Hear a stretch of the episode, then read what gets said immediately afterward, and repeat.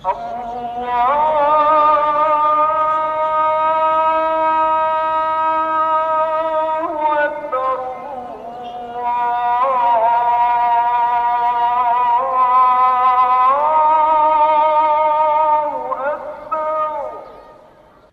الله الرحمن الرحيم الحمد لله رب العالمين والصلاة والسلام على أشرف المرسلين نبينا محمد وعلى آله وأصحابه أجمعين Gerespekteerde luisteraars Assalamu alaykum rahmatullahi wa barakatuh Hartlike goeiemôre aan u en u se familie en ons hoop dat u almal in baie goeie gesondheid verkeer.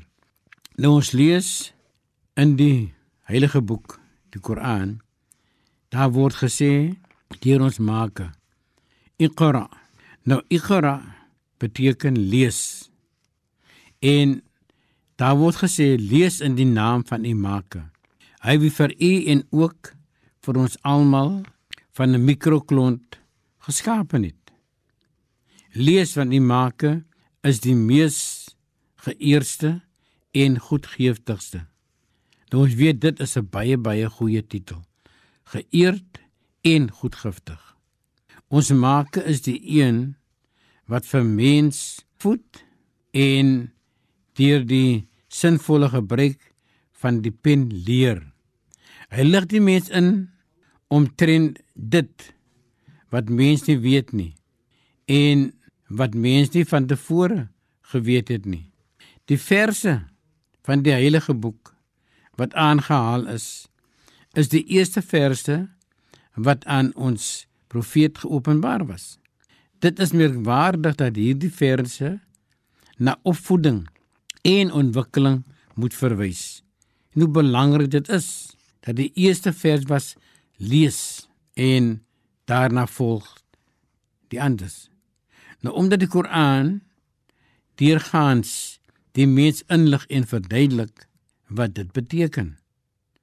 Dit is opvallend dat die metodiek soos aangedui eers onderrig, tweedens lees en dan skryf aanwys. En dit is didakties korrek.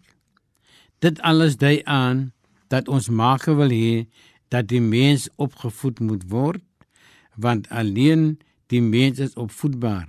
Die gehalte is baie baie belangrik. Dit is presies wat ons as ouers vir ons kinders wil hê. En ons weet dat ons as ouers maar net die beste verlang vir ons kinders.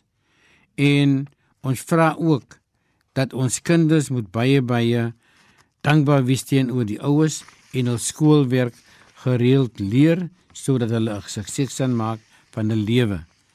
Gerespekteerde luisteraars, tot ons weer praat. Wassalamu alaykum rahmatullahi wa barakatuh. Ons hoop dat dit baie baie goed sal gaan vir die kinders in die finale eksamen en ons weet dat 'n kind baie aanmoediging maak gee van die ouer. Laat dit goed gaan met u en u se familie. Wassalamu alaykum wa rahmatullahi wa barakatuh. Allah